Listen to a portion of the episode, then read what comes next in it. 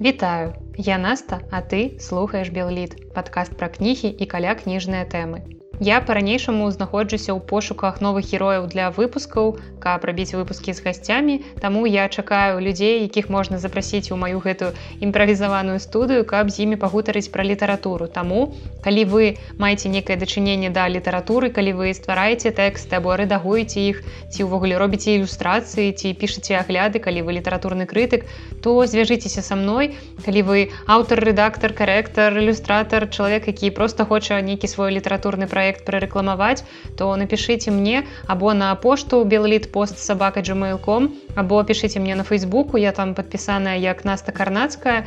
І свайго боку я вам даю прастору подкаста поўную свабоду слова. Вы можете расказваць тут все что заўгодна калі гэта звязана з літаратурай зразумела і задам вам таксама цікавыя пытанні бо мае слухачы вельмі хочуць ужо новых выпускаў з нейкімі новымі героямі гасцямі. Таму калі камусьці хочацца нешта данесці свету то напишите мне. Калі не то я тады ўжо буду шукаць герояў сама буду запрашаць нейкіх людзей. Але я спадзяюся што ўсё ж таки знойдзецца той хто напіша сам хто выкажа ініцыятыву са свайго боку. Таксама хочу падзякаваць маім патронам на сайте patreon кропка.com і дарэчы там зусім хутка будзе розыгрыш кнігі таму далучайцеся. У нас там такое невялікае але вельмі утульная кам'юніці. Спасылка будзе ў апісанні да выпуску. а Ну ў сённяшнім выпуску мы пагаворым пра вайну і школу і гэта дзве розныя кнігі, а яшчэ пра дзіўную штуку прыроду і пра смерць экспертнага меркавання. І пачнём акурат з прыроды, бо прырода яна сапраўды даволі дзіўная штука. Напрыклад, пагугліце такіх істот, як платаядны папугай Кеа, так было ў кнізе напісана па-руску, таму я памраю гугліць па-руску і рыба брызгун. Мяне, мабыць, ніколі не перастане здзіўляць разнастайнасць жывых істот на нашай планеце, але ёсць цікавае пытанне, адкуль усе гэтыя віды ўзяліся і па якім шляху магла пайсці эвалюцыя на нашай планеце, калі былі б у яе іншыя умовы.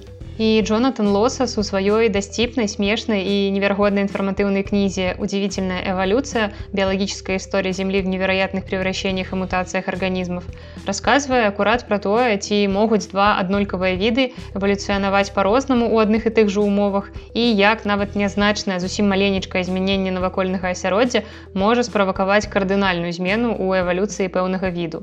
У гэтай кнізе аўтар разглядае тэзісы двух асноўных лагераў. Першы лагер гэта прыхільнікі выпадковасці. Гэта людзі, якія лічаць, што эвалюцыя не прадказальная, што мы нічога не можам прадбачыць. І другі лагер гэта дэтэрміністы, якія лічаць, што эвалюцыя наканавана і нікуды мы не можам ад гэтага падзецца.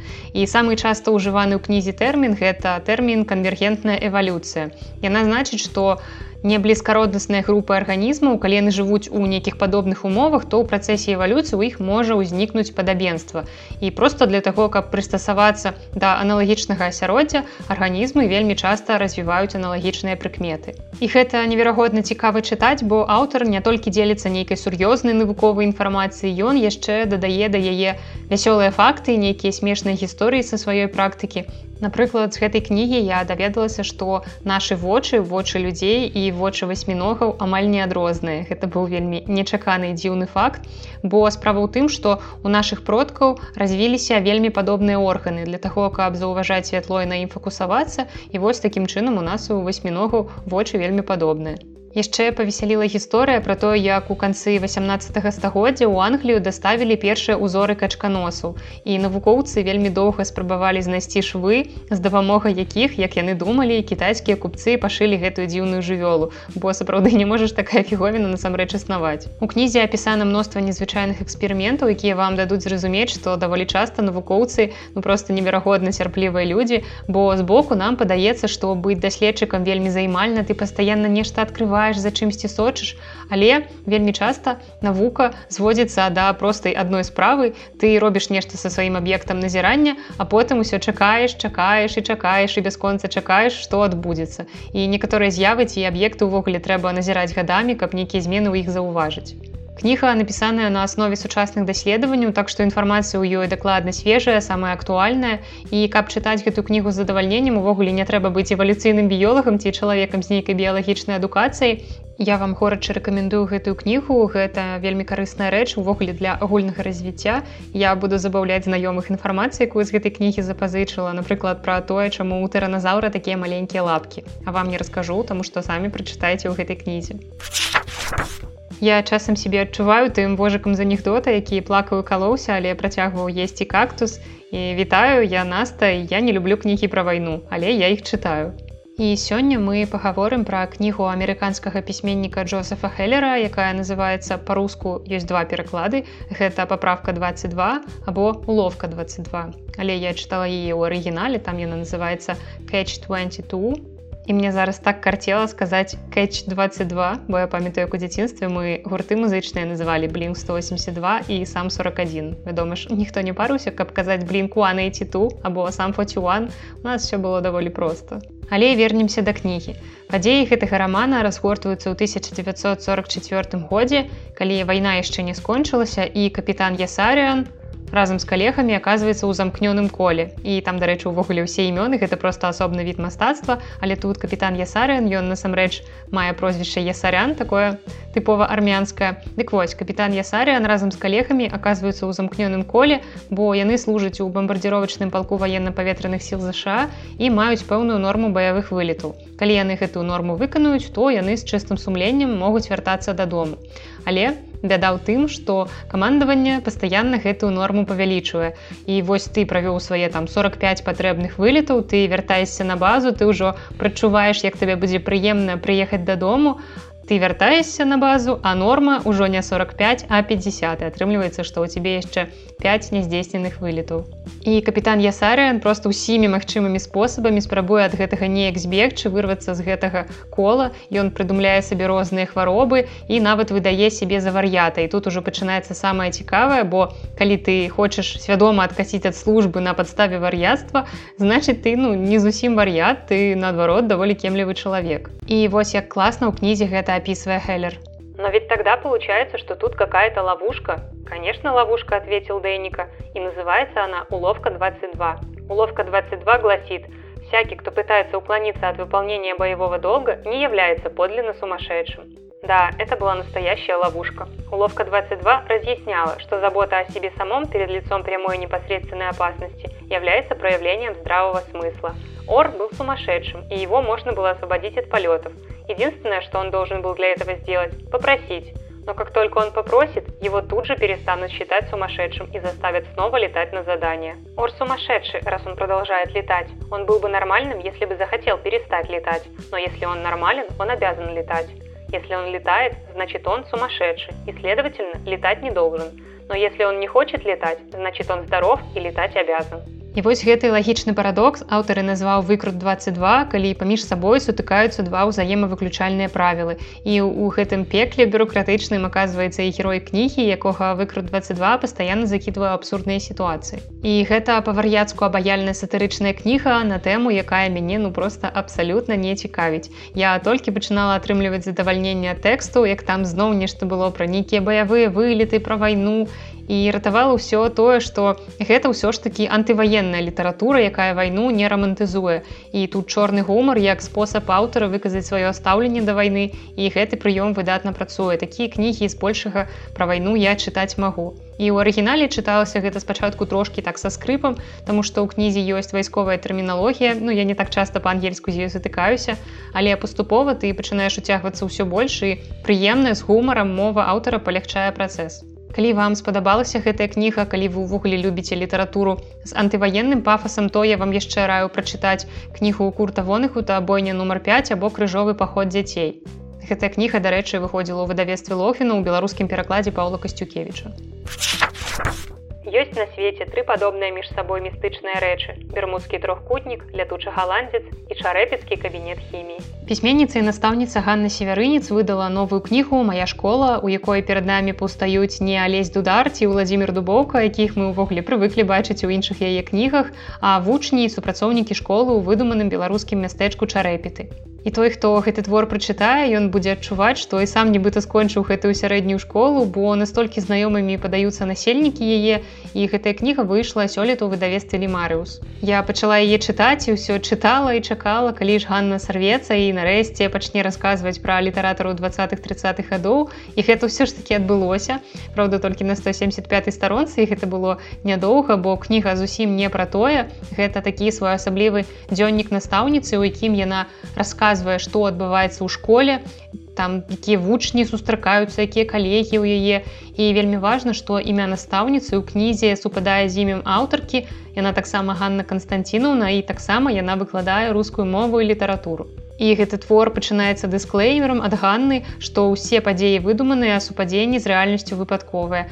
Але я глядзела інтэрв'ю ў радыёвабодзе дзе Ганна пацвердзіла што зразумела у герояў былі прататыпы просто так склалася что у гэтай кнізе вобразы аказаліся даволі універсальнымі бо я мяркую что вопыт ганны яна працавала настаўніцай у смалявіцкай гімназіі і вопыт гэты для яе быў зусім не лішнім для напісання гэтай кнігі бо і вобраз горада і школы ён таксама зборны і так магла б у прынцыпе выглядаць сярэдняя школа ў любым невялікім правінцыйным мястэчку дзе ўсе ўсіх ведаюць дзе бацькі могуць наўпроць вяртацца да настаўнікаў дзе настаўнікі выдатна ведаюць якія сямейныя абставіны ў іх вучню і ўвогуле ў гэтым творы процьма атрапных заўваг наконт наших адукацыйных рэалій. Я думаю што гэта знаёма кожнаму хто вучыўся ў школе прычым гэта не важна была у вас савецкая школа ці сучасная беларуская.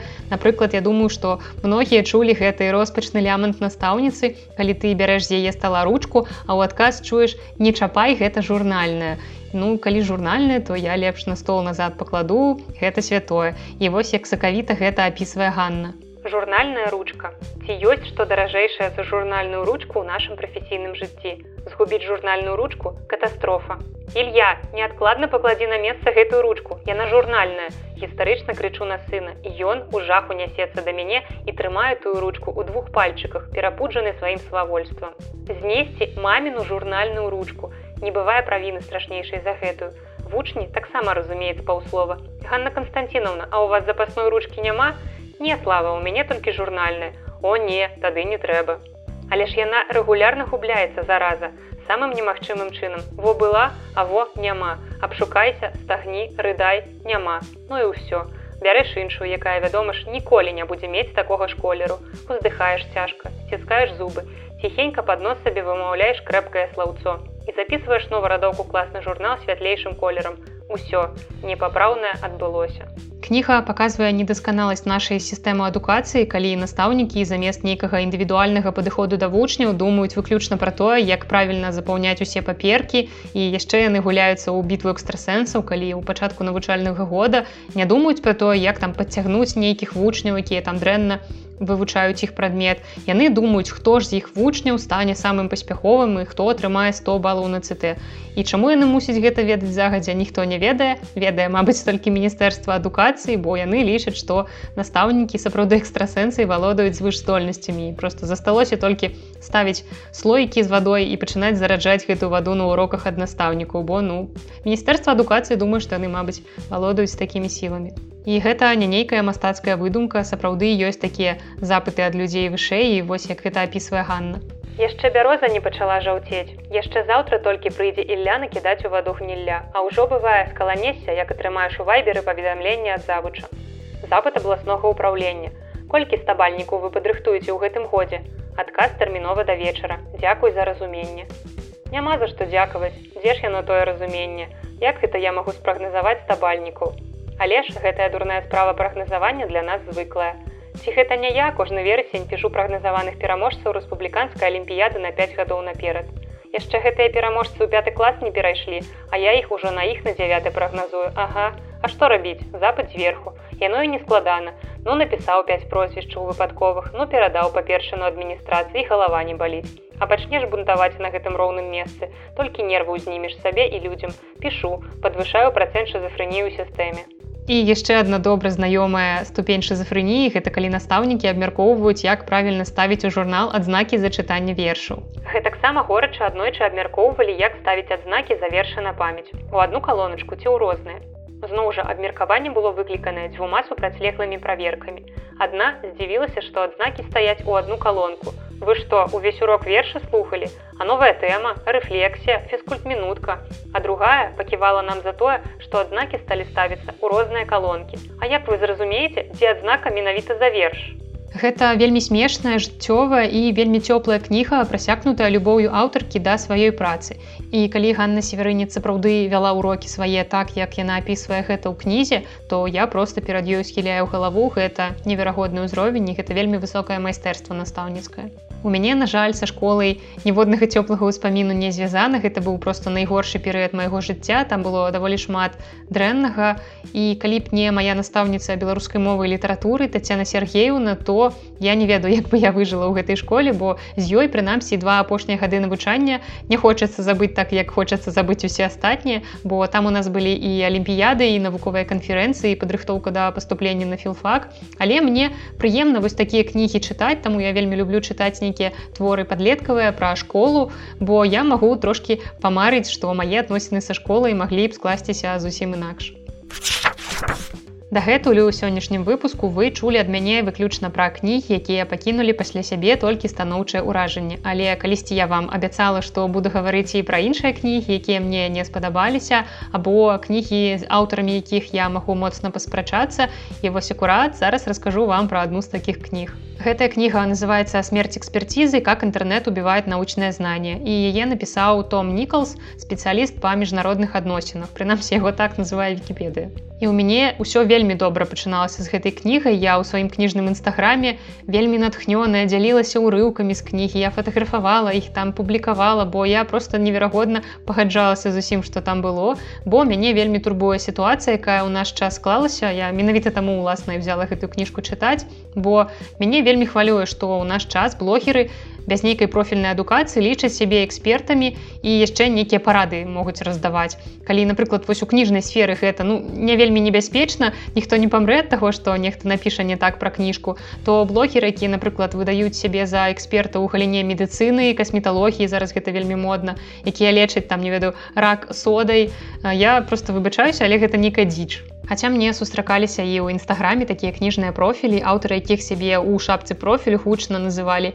ваш эксперт у свеце літаратуры. А потым адкрываеш які-небудзь пост у яго там, дзе фото кнігі фолкнера і ён піша, што что это за фігня такая я нічого не зразумела фолкнер гэта адстой. І гэта здараецца даволі часта калі ў нстаграме людзі пішуць пра кнігі без нейкай філалагічнай адукацыі і тут я адразу скажу что э, нічога не маю супраць гэтага бо хто заўгодна можа пра кнігі пісаць. Я толькі супраць таго каб чалавек пісаў што кніга нейкая гаўноці адстой толькі таму што ён яе не зразумеў. А ён яе не зразумеў толькі таму што ён не ведае нейкіх асаблівасцяў напрыклад літаратуры мадэрнізму ці постмадэрнізму. Ён незнаёмы напрыклад з такімі тэрмінамі тэрмінам як плынь свядомасці таму ён кажа што гэта ўсё гаўно бо ён пра гэта нічога не ведае. І ён потым вось гэту ўсю сваю цямноту транслюе на тысячную аўдыторыю і людзі потым таксама пачынаюць думаць Ага ну вось гэты важны чалавек напісаў што фолкнер гаўно значыць фолкнер гаўно карацей по гэтым узроўні эмацыянальнасці вы ўжо разумееце што тэма мяне неверагодна хвалюе таму я з вялікім натхненнем пачала гэтую кнігу чытаць але на жаль далей яна павярнула кудысьці не туды. Бо рэч у тым што першапачаткова аўтар просто напісаў пост у фейсбуку і як гэта звычайна бывае пост гэты ў нейкай газеце заўважылі ён ім там спадабаўся яны вырашылі што трэба неяк раскрыць гэтую тэму і даручылі аўтару напісаць артыкул. Ён гэты пост свой трошки пашырыў нешта там да яго дадаў і атрымаўся нармальны такі звычайны артыкул артыкул. А потым у гэтай гісторыі з'явіўся спадар выдавец, які палічыў, што тэма вельмі перспектыўная і ён тады прапанаваў аўтару напісаць пра гэта кнігу. І вось у гэтым месцы ўсё змянілася. Бо аказалася, што аўтару даволі складана расказаць нешта яшчэ звыш таго, што ён ужо выдаў і таму яму прыйшлося рабіць тое, што хоць раз у жыцці рабіў кожны студэнт, ён пачаў ліць ваду. І таму ў яго замест кнігі атрымаўся кавун, дзе ў 100 грамах мякаці атрымалася 89 грам вады. І як заўсёды у мяне тут прэтэнзіі да рускіх выдаўцоў, бо ў арыгінальнай назве кнігі няма ні слова пра інтэрнэт. І ў асноўным аўтар тут скардзіцца на тое, што ў нашым свеце экспертнае меркаванне абсалютна абясцэнілася, бо кожны мае доступ у інтэрнэт. Усе ва ўсім сталі разбірацца і навошта мне меркаванне нейкага вузканакіраванага спецыяліста, які тэму даследуе ўжо 30 гадоў, калі я магу гэта проста пагугліць. І на жаль, сапраўды праблема смерці экспертнага меркавання ёсць. Толькі вось аўтар яе не вельмі раскрыў і ўсе 368 старонак кнігі ён паўтараў адно і тое ж. А яшчэ ён трохі зануда і бубніў як стары дзед. Ён паказваў які ён сноп што ён не прымае іншыя магчымасці атрымання ведаў акрамя акадэмічнай бо толькі ў каледжы ці ва універсітэце вы можете атрымаць пэўныя веды неабходныя для працы навыкі. І калі чалавек скончыў вышэйшую навучальную установу калі ён мае навуковую ступень нават то ні ў якім разе з ім не спрачайцеся ён эксперт і ён ва ўсім разбіраецца. І ў супрацьвагу яму мне хочацца прывесці гісторыі з кнігі александра сакалова учёныя скрываюць про якую я гаварыла 27 выпуску. І сакалоў якраз пісаў пра частыя выпадкі таго што дыплом увогуле ну, абсалютна ніякага значэння не маеш калі ўладальнік яго ўсё роўна распаўсюджвае нейкіх жа навуковыя веды. Вось напрыклад у нас на факультэце было некалькі зусім некампетэнтных выкладчыкаў і гэта былі людзі з навуковымі ступенямі з некаторай колькасцю рыгалі і зразумела што з іх лекцый мы не выносілі абсалютна нічога карыснага ні грама карыснай інфармацыі а некаторыя выкладчыкі яшчэ і проста вярзлі несусветнае хлупства якое многія студэнты на жаль маглі ўспрыняць усур'ёз І вядома, што аўтар гэта ўсё піша, абапіраючыся на свой амерыканскі вопыт, там уся кніга з гэтымі лакальнымі прыкладамі, Але я абсалютна перакананая, што і там ва універсітэтах таксама ёсць праблема з выкладчыкамі сумнеўнай якасці, якія ўсё роўна працягваюць працаваць, нават нягледзячы на тое, што студэнты на іх скардзяцца. І разюмуючы я хочу сказаць што кнігу гэтую чытаць я вам не раю тому что гэта просто марнаванне часу. Там уся карысная інфармацыя вынесена на першыя 80 сторонок які вось вы у прынцыпе іх можете прачытаць а далей ужо пачынаецца пераліванне з пустога ў парожняе. Я думаю што мы ўсе выдатна разумеем што ў наш час у любой вобласці экспертнае меркаванне абясцэнілася і нам пра гэта не трэба так расказваць на амаль чатырох сотнях сторонок і калі чалавек верыць у напрыклад тэорыю плоскай зямлі то яго складана пераканаць тому что перад ім ёсць інтэрнет про просто неверагодна велізарныя прасторы інтэрнэту яны поўныя пацверджанням яго тэорый. І на жаль гэтыя ягоныя тэорыі яны больш цікавыя яскравыя чым рэальныя факты. Ну як бы каму цікава што зямля круглая? Вось калі земля плоская о это ўжо это ўжо іншая справа. А калі вам хочацца вось крыху зразумець як думаюць такія людзі якія верыць то што зямля плоская то я вам раю паслухаць папярэдні 33 выпуск подкаста у якім я гавару пра кнігу мікіта няпрахіна анатомія заблуждзений ён там вельмі падрабязна і доступна расказвае пра кагнітыўнае скажэнне і пра тое чаму ў пэўных сітуацыях мы себе паводзім так а не інакш. І вось у папярэднім выпуску я акурат закранаю гэтую вельмі важную тэму І перад тым як скончыць сённяшні выпуск я хочу расказаць гісторыю якая са мной здарылася на мінулым тыдні на працы. І гэтая гісторыя вось акурат мае непасрэдную сувязь з завяршэннем гісторыі пра папярэднюю кнігу і з папярэднім выпускам майго подкаста рэч тым што на працы я штодзённа сутыкаюся з рознымі людзьмі. І яшчэ як вы ведаеце я чытаю некаторыя разумныя кніжкі пра частку з якіх потым вам расказваю. І гэтыя кніжкі тлумачаць многія чалавечыя паводзіны Таму ёсць пэўныя катэгорыі людзей, якія мяне абсалютна не здзіўляюць. Напрыклад, вось адзін тып людзей, які можна сустрэць у кнігарні. Я акурат працую ў кнігарні і гэты тып я называю старпёр, які ўпэўнены ў маральным заняпадзе моладзі. Калі б я пісала кнігу пра людзей, якіх сустракаю ў кнігарні, то вось адна б з главаў называлася б менавіта так. І такія людзі, гэтыя старпёры, назовём іх так, дыялог з супрацоўнікамі крамы пачынаюць словамі: « Ой, это маладзёж саўсем нічого не чытает. Хаця чаму я называю гэта дыялогам. Гэтых людзей абсалютна не цікавіць маё меркаванне, нейкія аргументы ў абарону гэтай моладзі, якая не чытае, бо у гэтых людзей ёсць свой пункт гледжання, яны яго паслядоўна прытрымліваюцца і працягваюць свой маналог. Я шмат гадоў працаваў выкладчыкам, у мяне чатыры адукацыі, паверце, я на іх наглядзеўся. І гэта рэальныя словы рэальнага чалавека, які ў адзін з дзён на мінулым тыдні быў першым наведвальнікам нашай кнігарні і далей ён працягваў, Я дакладна ведаю, што іх нічога не цікавіць, толькі гэтыя тэлефоны, глядзяць у свае экраны ўвесь дзень. Я тут, канешне, магу яму расказаць па сакрэце, што ў тэлефоне таксама можна чытаць кнігі, але далей быў проста абсалютна шэдэўральны з яго боку аргумент. Я так у аднаго спытаў, якое імя па бацьку меў леў талстой, Дык ён палез адразу ў тэлефон глядзець. І мяне просто карцела спытаць ці шмат увогуле гэтаму чалавеку прынеслі шчасце ў жыцці гэтыя веды. Я просто уяўляю як прачынаешся сярод ночы з думкай А якое ж гэта імя па бацьку меў толстой?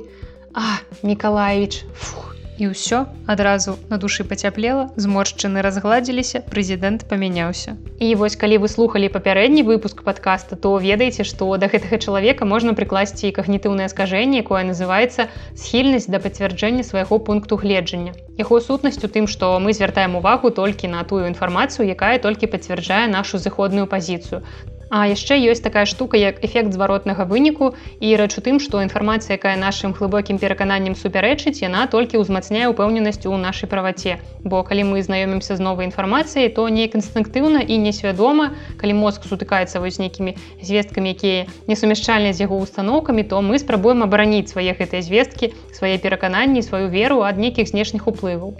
Напрыклад, калі мы пакажам гэтаму чалавеку 100 падлеткаў з кнігай у руках і аднаго са смартфонам, то ён заўважыць толькі падлетка са смартфонам і радасна будзе крычаць, А я казаў, усе яны такія яны ўткнуліся ў гэтыя свае дэбільнікі бо ён знайшоў вось гэта пацвярджэнне сваіх поглядаў у асобе аднаго чалавека. Я вам скажу, што калі ведаеш пра кагнітыўныя скажэнні, то становіцца нашмат прасцей жыць, бо ты разумееш, што спрэчкі з падобнымі індывідамі ні да чога не прывядуць і трэба проста перачакаць, пакуль чалавек выгаварыцца і пойдзе шукаць нейкія наступныя ўдзячныя вушы.